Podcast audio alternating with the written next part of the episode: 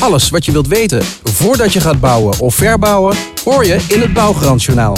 Met nieuws, achtergrondinformatie en praktische tips waar je echt wat aan hebt als je gaat bouwen of verbouwen. Met in deze aflevering van het Bouwgarant Journaal alles wat je wilt weten over hoe we in de toekomst zullen wonen. Het Bouwgarantjournaal wordt je aangeboden door Bouwgarant, het keurmerk in de bouw.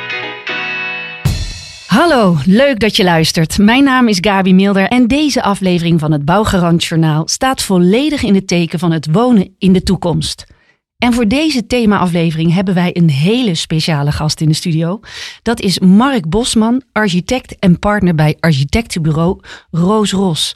Mark, welkom bij het Bouwgarant Journaal. Dankjewel, Gabi. Leuk om hier te zijn. Nou, wij zijn heel erg benieuwd naar wat de toekomst gaat brengen en wat, ons, uh, wat jij ons daar allemaal over kan vertellen. Het huis van de toekomst. Hoe gaan we wonen? Hoe ziet het huis eruit? Maar eerst. Bouwgarantjournaal. Feiten en cijfers. De voorspellingen over hoe we in de toekomst wonen variëren enorm. Sommige experts denken dat we overwegend in stedelijke micro-appartementen of buitenstedelijke tiny houses wonen, of in torenhoge flats die een stad op zichzelf zijn. Anderen echter stellen dat we door de klimaatverandering in drijvende huizen zullen bivakeren. Volgens het Centraal Bureau voor de Statistiek zal de Nederlandse bevolking naar verwachting de komende decennia blijven groeien tot bijna 19,6 miljoen inwoners in 2060. Een van de grootste uitdagingen voor het leven en wonen in de toekomst is het toenemende energieverbruik, dat op termijn niet meer door fossiele brandstoffen kan worden gedekt. Het gebruik van hernieuwbare energie gaat een grote rol spelen. Duurzaamheid en energiezuinigheid zullen doorslaggevend zijn voor het ontwerp en de inrichting van het huis van de toekomst. Het gebruik van biobased bouwmaterialen en systemen zullen hierbij onmisbaar zijn. Denk hierbij aan hernieuwbare materialen zoals hout, vlas en stro. Het tekort aan woningen is in een jaar tijd fors gestegen. Er is in 2023 een tekort van 390.000 woningen. Vorig jaar ging het nog om 315.000 huizen. De trend is dat we steeds kleiner gaan wonen. Dit komt onder meer doordat de huishoudens steeds kleiner worden. Bescheiden vaker, ouderen blijven langer thuis wonen en gezinnen bestaan uit minder kinderen dan vroeger. Nou Mark, jij bent dus architect en partner bij Roosros Architecten. Kan jij ons even kort uitleggen hoe jullie bezig zijn met bouwen en wonen in de toekomst? Uh, kort is altijd lastig als je met een architect gaat praten, maar ik zal mijn best doen. Uh, nou, wij zijn met name bezig uh, in de transities die er nu spelen. Ja. Dat is de energietransitie, dat is een materialentransitie.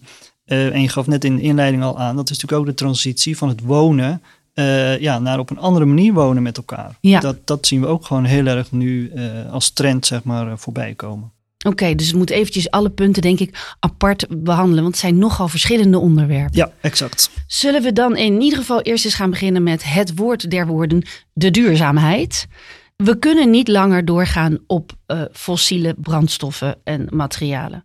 Maar hoe denk je dan dat je als architect de toekomst moet gaan bouwen op duurzaamheid? Hoe zien die huizen eruit? Nou, ik vind duurzaamheid eigenlijk een containerbegrip uh, inmiddels. Want, oh, uh, ja, wat bedoel je dan? Nou, dan bedoel ik echt dat duurzaamheid is zo breed. Mm -hmm. Voor heel veel mensen is duurzaamheid zonnepanelen op het dak leggen om een lagere energierekening te krijgen. Uh, voor anderen is het uh, isoleren en misschien wel uh, de, tuin, de tegels uit de tuin halen, mm -hmm. het vergroenen van de tuin. Ehm, je wijze van leven, stoppen met vlees eten. Dus duurzaamheid is een heel groot begrip. Ja, maar in binnen het bouwen, bouwen van de toekomst? In het bouwen van de toekomst zien wij nu wel echt de transitie naar energie. Ja. Dus op een andere manier met energievoorziening omgaan en materialen. Andere materialen gebruiken, hernieuwbare materialen, die biobased materialen. Um, en misschien ook wel veel beter nog uh, ja, recycling van materialen. Ja, want er is een verschil tussen hernieuwbare en herbruikbare materialen. Kan je dat uitleggen, wat het verschil daarin is? Ja, hernieuwbare materialen, dat noemen we de biobased materialen, die Mhm. groeien eigenlijk weer eh, nou, bijna als vanzelf aan in de natuur eh, of op de landerijen. Dus dat moet je denken aan inderdaad vlas, hennep, eh, hout natuurlijk, hè, Mhm. wat, wat een heel bekend materiaal is. Maar die groeien in de loop van de tijd weer aan. Eh, herbruikbare materialen eh, zijn materialen die eh, technisch van oorsprong zijn. Denk aan staal, aan dakpannen, beton. Ehm, ja, dat willen we eigenlijk veel beter gaan benutten dan dat we nu doen. De- ja, maar dus voor in de toekomst, de huizen voor in de toekomst zullen meer gebruik maken van hernieuwbare materialen dan herbruikbare materialen. Ja, kijk, hernieuwbare materialen, daar heb je gelijk de positieve aspecten van. En pak je gelijk de CO2-winst mee, hè, om dat woord ook maar even te benoemen. Mhm. Eh, de herbruikbare materialen is met name eh, duurzaamheid naar de toekomst toe.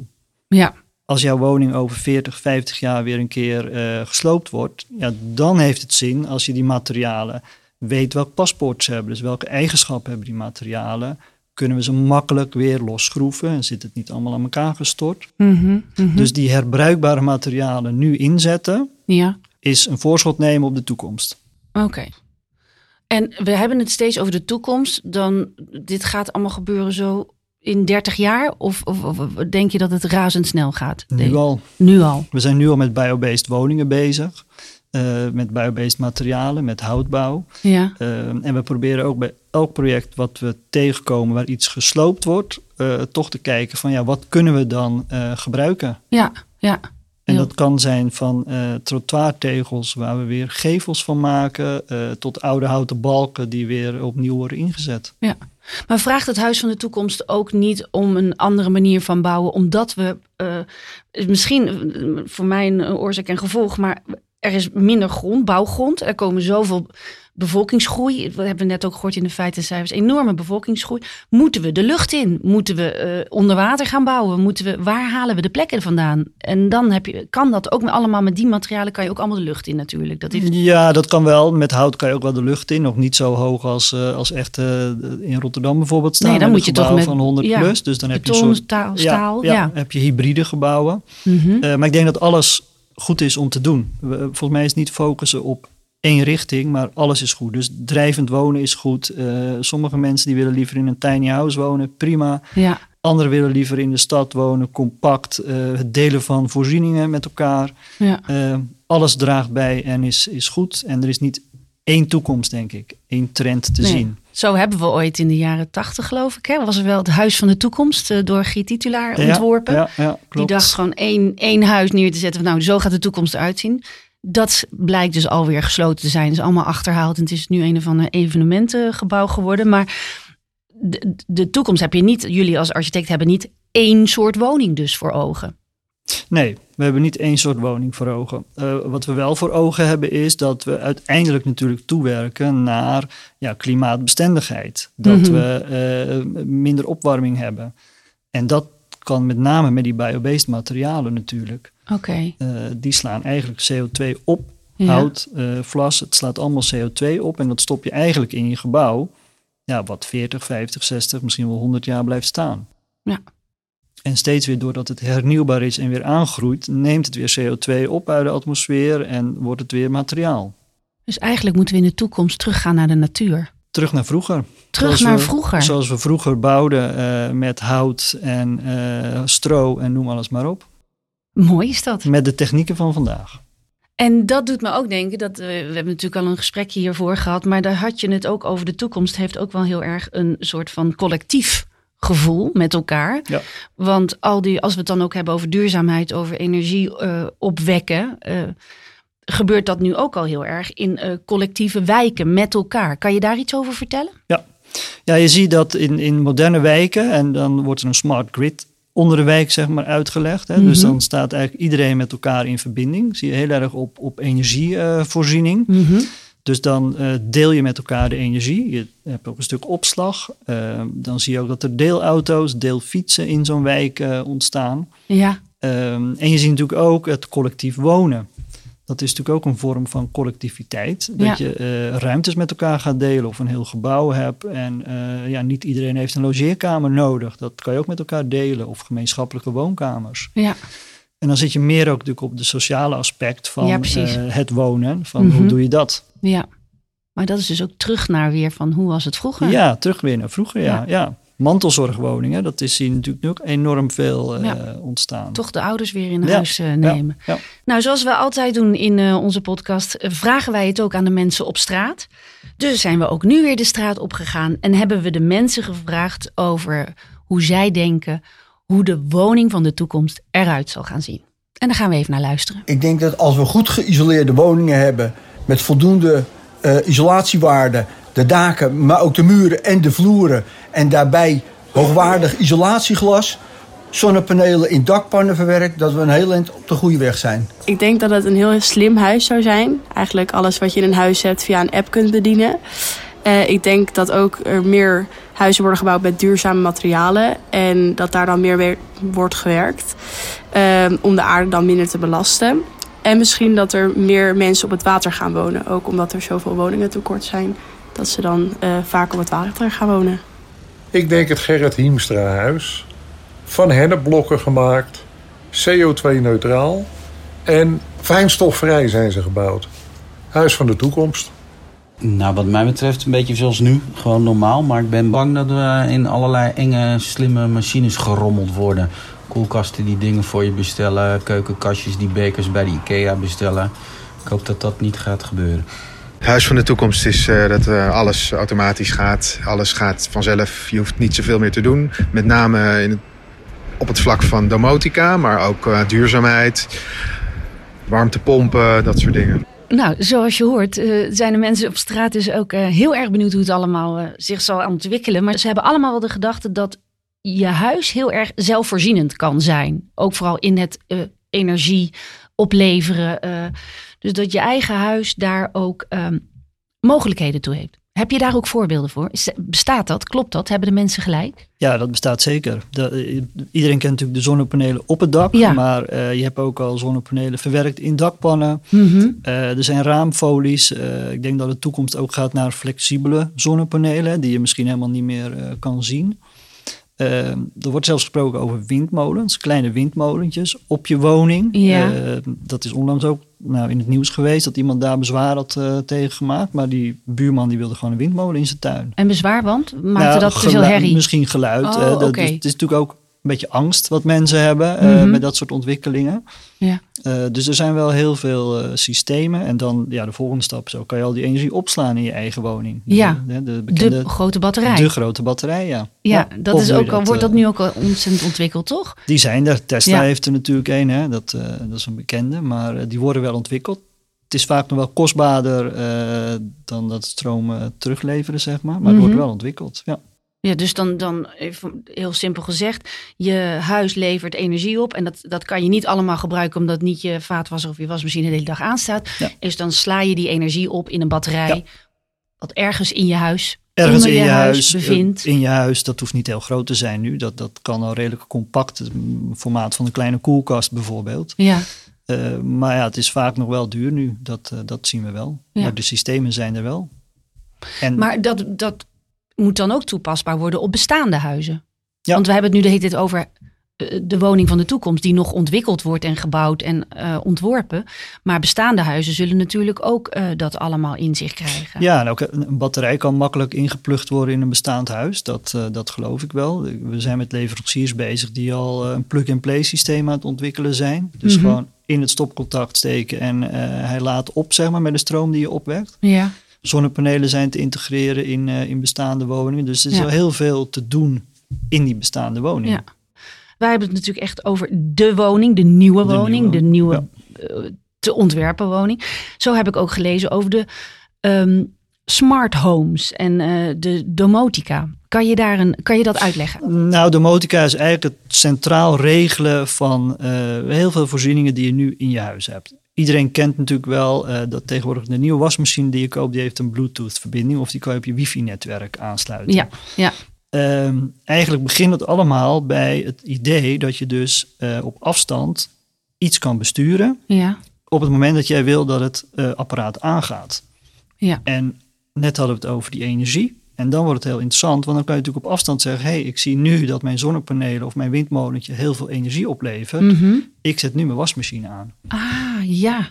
Dan richt je het Dat is op efficiënt, afstand. ja. Maar het kan ook natuurlijk als je in je huis bent, eh, kan je natuurlijk ook, ja, de domotica die iedereen misschien wel heeft, is eh, Hey Google of eh, Sonos en dat apparaat gaat aan. Ja, ja. Is natuurlijk ook een vorm met spraak van domotica. Ja. Op, op afstand eigenlijk alles heel dichtbij kunnen aansturen. Maar ik vind het dus zo'n rare combinatie. Want eigenlijk is die toekomst dan heel erg eh, eh, technologisch eh, ver ontwikkeld. Ik las ook ergens, je gaat naar het toilet en bij wijze van spreken wordt je urine getest. En meteen is er al een, wordt er al een belletje naar je dokter van er is iets niet goed met, Mhm. je moet naar de dokter toe. Dus het wordt allemaal technologisch enorm ontwikkeld. Maar tegelijkertijd zeg je qua bouwmaterialen gaan we terug naar de natuur en terug naar vroeger. Ja, Maar je kan natuurlijk best wel in een tiny house wonen, wat enorm eh, geavanceerd en een smart ho- home eh based. eh, Uiteraard. huis is. Beide zijn goed, denk ik. Beide zijn nodig om met elkaar te verduurzamen. dus bij, je merkt ook al bij jullie architectenbureau dat je echt verschillende, hele verschillende huizen aan het ontwikkelen Ja, bent. ja, en het is niet van we gaan allemaal daarheen. Nee. nee. Nee, nee we hebben echt een, een volledig bio-based tiny house ontworpen.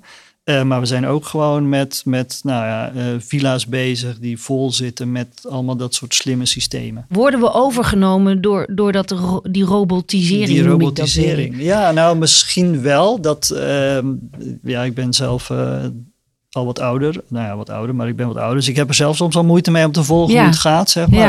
Hè? Ja, Eh, ik denk dat de jongste generaties niet meer anders doen en weten dan dat. ja. Ehm, en ja, je wifi-netwerk is toch het meest belangrijke volgens mij in je huis. En eh, het kan zijn dat als dat uitvalt, dat natuurlijk hele systemen niet werken. ja. Daar heb ik zelf nog geen ervaring mee, gelukkig. Nee. En ook al die stralingen zijn niet slecht voor je gezondheid. Dus de- het is niet zo dat jullie als architectenbureau ook nog moeten bezighouden met... is het wel goed om tussen al die wifi-stralingen ja, te leven? dat is een volgende punt. Maar dan komen we op, het, eh, op de term de bouwbiologie uit. Dus we hebben Oh, bio-based materialen, maar we hebben ook bouwbiologie. Ja. En, en die gaat dus ook over stralingen en, en dat soort zaken. Ja, Ehm daar weten we het fijne nog niet van. We zijn als bureau wel daar eh, ja, een cursus voor aan het volgen, zeg maar. Een aantal Mhm. collega's, om Mhm. te weten hoe dat speelt. mhm. Eh, maar dat zal ook zeker een, een, een onderdeel vormen van ja, gezond bouwen. En, ja en met de, toekomst. Ja, dat ja, is wel een zeker. item, denk Ja. ik. Want anders krijg je daar weer enorme hoge kostenposten in de gezondheidszorg. Ja, klopt. Komt veel bij kijken. Er komt heel veel bij kijken, ja. Ja. ja. En dat aspect van die gezondheidszorg, dat is natuurlijk wel, wat je aanstipt, is natuurlijk wel heel interessant, ook in relatie tot die eh biobased materialen. Mhm, mhm. Want ja, daarvan geloven we echt wel dat die minder uitstoot hebben van eh, chemische stoffen. ja. Maar ja, dat is nog heel lastig om, eh, om aan te rekenen en om eh, te weten wat het op lange termijn doet. Maar ik kan me voorstellen voor, eh, dat, dat ook voor het, de aanwas van al die biobased materialen, dat moet natuurlijk allemaal groeien. De bomen moeten groeien, de schapen moeten ergens kunnen lopen. Maar als we meer gaan bouwen, komt er minder grond. Ik bedoel, hoe, hoe houden we die toevoer van die natuurlijke materialen in stand? Is daarover, wordt daarover nagedacht? Jazeker, er wordt over nagedacht. Er, er zijn studies die aanlaten, of laten zien dat er voldoende bos is voor hetgeen wat we nieuw willen bouwen. Hè? Want we hebben natuurlijk al heel veel bestaande voorraad eh, die er is. Eh, nou, schapen lopen er denk ik ook wel voldoende rond. Dat, dat groeit elk jaar aan natuurlijk, een Mhm. schaap. Ja. Eh, en dat geldt ook voor eh vlas, eh hennepisolatie. Dat zijn allemaal materialen die per jaar geoogst worden. Eh, dus dat gaat natuurlijk Ja, het heel groeit snel. natuurlijk steeds weer Het opnieuw. groeit heel snel, ja. Ja. ja. Dus ehm, even samenvattend waar we tot nu toe zijn. De, de, de woning van de toekomst is er een die eh, gebouwd gaat worden met materialen die eh biobased zijn. Waardoor ze ook hun eigen regulatie van het energiesysteem kunnen, kunnen hebben. Ehm, ze zijn technologisch heel erg in een vooruit, vooruitstrevend. Met een smart home wat allemaal meedenkt en efficiënt kan werken. Maar dan hoe gaat die woning van de toekomst gebouwd worden? Gaat dat de lucht in? Gaat dat de, de, de, zee, eh, de zee in? Waar halen we die ruimte vandaan? Hoe kijken jullie daar tegenaan? Ja, nou, dat, dat, die kan op veel verschillende manieren gebouwd worden. Ik denk dat beide, eh, zowel de lucht in als eh, nou, de zee in, denk ik niet. Maar Nee? de lucht op in het water. Op het water, Ja. zeker. Maar we moeten ons ook wel realiseren dat in de toekomst, hè, als we het hebben over de woning van de toekomst of het wonen van de toekomst, Ja. op het water, maar we moeten ons ook verhouden met het water. Oh, Ehm, er zijn natuurlijk voorspellingen die zeggen, ja, over 30, 40, 50, misschien 100 jaar is het Nijmegen aan zee en niet meer Zandvoort aan zee. ja. Ehm, dus dat is natuurlijk ook wel iets wat, eh, wat we zien en dat er al wel stemmen opgaan om niet meer in de uiterwaarden van de rivier te gaan bouwen. Mhm, Wat soms mhm. nog wel gebeurt. Ja. Dus eh, de, de, de, de stijging van die zeespiegel. De stijging van die te zeespiegel eh, waar we mee te, mee, mee te maken hebben. En, Ja. nou, daarom is het weer zo belangrijk om te zorgen dat dat CO2-uitstoot zo laag mogelijk is. Dus die hernieuwbare materialen. Ja, Dus ja. het een helpt het ander. Ja, ja. Ja, dat vind ik een heel eng item, die zeespiegel. Want dan inderdaad, ja, dan de lucht inbouwen, zit je misschien ook wel heel veilig de- dat, daarbovenin. ja, ja maar, dat kan ook. Ja. Maar het, we maken bij andere typen gebouwen al mee dat bijvoorbeeld bepaalde installaties, daarvan zeggen we die bouwen niet meer in de kelder, maar die gaan we echt wel eh bovenin Hoger. bouwen. Om niet gelijk die zeespiegelstijging, maar wel natuurlijk dat we weten dat bij extreme regen eh, Ja. ja. je straat zomaar eh, onder water kan staan. ja, ja, die klimaatveranderingen die vragen, Ja. vragen daarom natuurlijk. Ja. Goed, ehm, ik lees ook heel veel over eh, 3D-printing. Maken jullie daar als architectenbureau gebruik van? Nee, nog niet. Ik ken het wel natuurlijk. Hè. Het- Mhm. Het zit in Nederland volgens mij nog wel meer in de experimentele fase. Ehm, dat je ziet met bepaalde, bepaalde betonsoorten dat er mee geëxperimenteerd wordt om eh, wanden en woningen mee, eh, mee te maken. Ja, Ehm, wat we wel heel veel zien is het modulair bouwen. En daarmee bedoel ik eigenlijk woningen die uit de fabriek komen. Ja. Zoals jouw auto eigenlijk ook uit de fabriek komt. eh, zien we wel dat dat enorm een trend is die ja, steeds vaker gaat voorkomen. En dan, dan is een woning of een gedeelte van woningen zijn al gemaakt en die Ja. worden in zijn geheel. Is dat hetzelfde als prefab? Ja, het is als prefab, maar dan in 3D-vorm. Dus het zijn echt gewoon hele kamers of misschien wel eh, studentenkamers die in één keer in de fabriek gemaakt worden, op transport gaan en op de bouwplaats zeg maar eh, op elkaar worden gestapeld. Oké. Het grote voordeel is natuurlijk dat je heel, veel minder stikstofuitstoot hebt ter plaatse Mhm. op die eh, bouwplaats. En onder veel betere omstandigheden kan er, kan er gebouwd worden. Ja. Dus dat is ook eh, het bouwen van de toekomst zal ook veel op die manier ge- gebeuren, Ja, denk je? ja, ja, dat denk ik wel, ja. Ja. Zeker. Ja. Nou, we hebben het wel heel erg veel over dingen die nu al eh, eh, plaatsvinden en die nu al voorgewerkt worden voor de komende vijf à tien jaar. Maar als we dan nu echt over de toekomst hebben en in een grote glazen bol kijken, laten we het eens over 30 jaar hebben. Hoe denk jij als architect dat het huis van de toekomst over 30 jaar eruit zal zien? Nou, dat is een goede vraag. Eh, we hebben die gedachte op bureau ook wel eens gehad. En toen hebben we als eerste bedacht, wij staan, bestaan als architect over 30 jaar niet meer. Oh, Dan worden er op andere manier woningen ontworpen, misschien wel met eh, AI. mhm. Eh, op hele slimme manieren. Je tikt wat in in de computer en er komt een plaatje van je woning uit. En die, laat je, die stuur je door naar de fabriek. En hij wordt thuis afgeleverd. Een soort webshop voor, voor woningen misschien wel. Mhm. Ehm, we hebben wel eens gefilosofeerd dat we in een soort bubbels op Mars wonen. Hè? Ja. Eh, dat zou ook zomaar kunnen. Eh, er gaan echt wel dingen veranderen. ja. Tegelijkertijd weten we ook, als we terug zouden kijken... eh, ja, er bestaan woningen die zijn eh, 200 jaar oud. Hè? De grachtengordel in Amsterdam eh, ja, vindt iedereen fantastisch nu.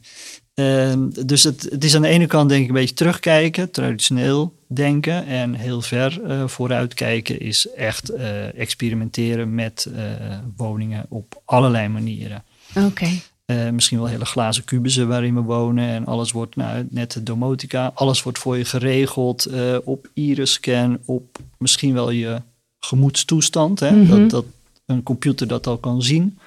Ehm, robots die bedienen in de woning. Ja, Ja, en dan komen we toch weer een beetje bij die Griet Titulaar, het huis van de toekomst. Eh, misschien was die man zo gek nog niet Nee. met zijn gedachten. inderdaad.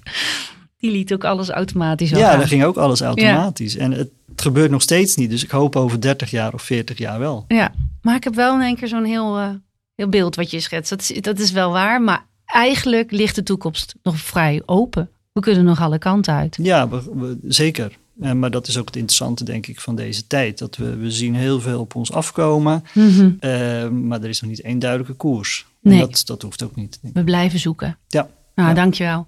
Graag dankjewel gedaan. voor dit leuke gesprek. Heel interessant. En eh, we kijken uit naar een mooie toekomst vol spannende En uh, grote uitdagingen voor de architecten voor het Huis van de Toekomst. Maar in ieder geval, ik denk dat het Huis van de Toekomst wel op drie pijlers gebouwd gaan worden. En dat is op duurzaamheid, op technologie en natuurgetrouwe materialen. Kan ik dat zo uiteenzetten, die ja, drie pijlers? Ja, zeker. Ben ik het mee eens.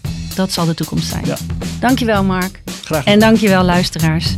Dit was het Bouwgarant Journaal. En tot de volgende keer. Alles wat je wilt weten voordat je gaat bouwen of verbouwen. Je hoort het in het Bouwgarant Wil je meer informatie of wil je andere afleveringen van het Bouwgarant horen? Ga dan naar bouwgarant.nl. Bouwgarant, het keurmerk in de bouw.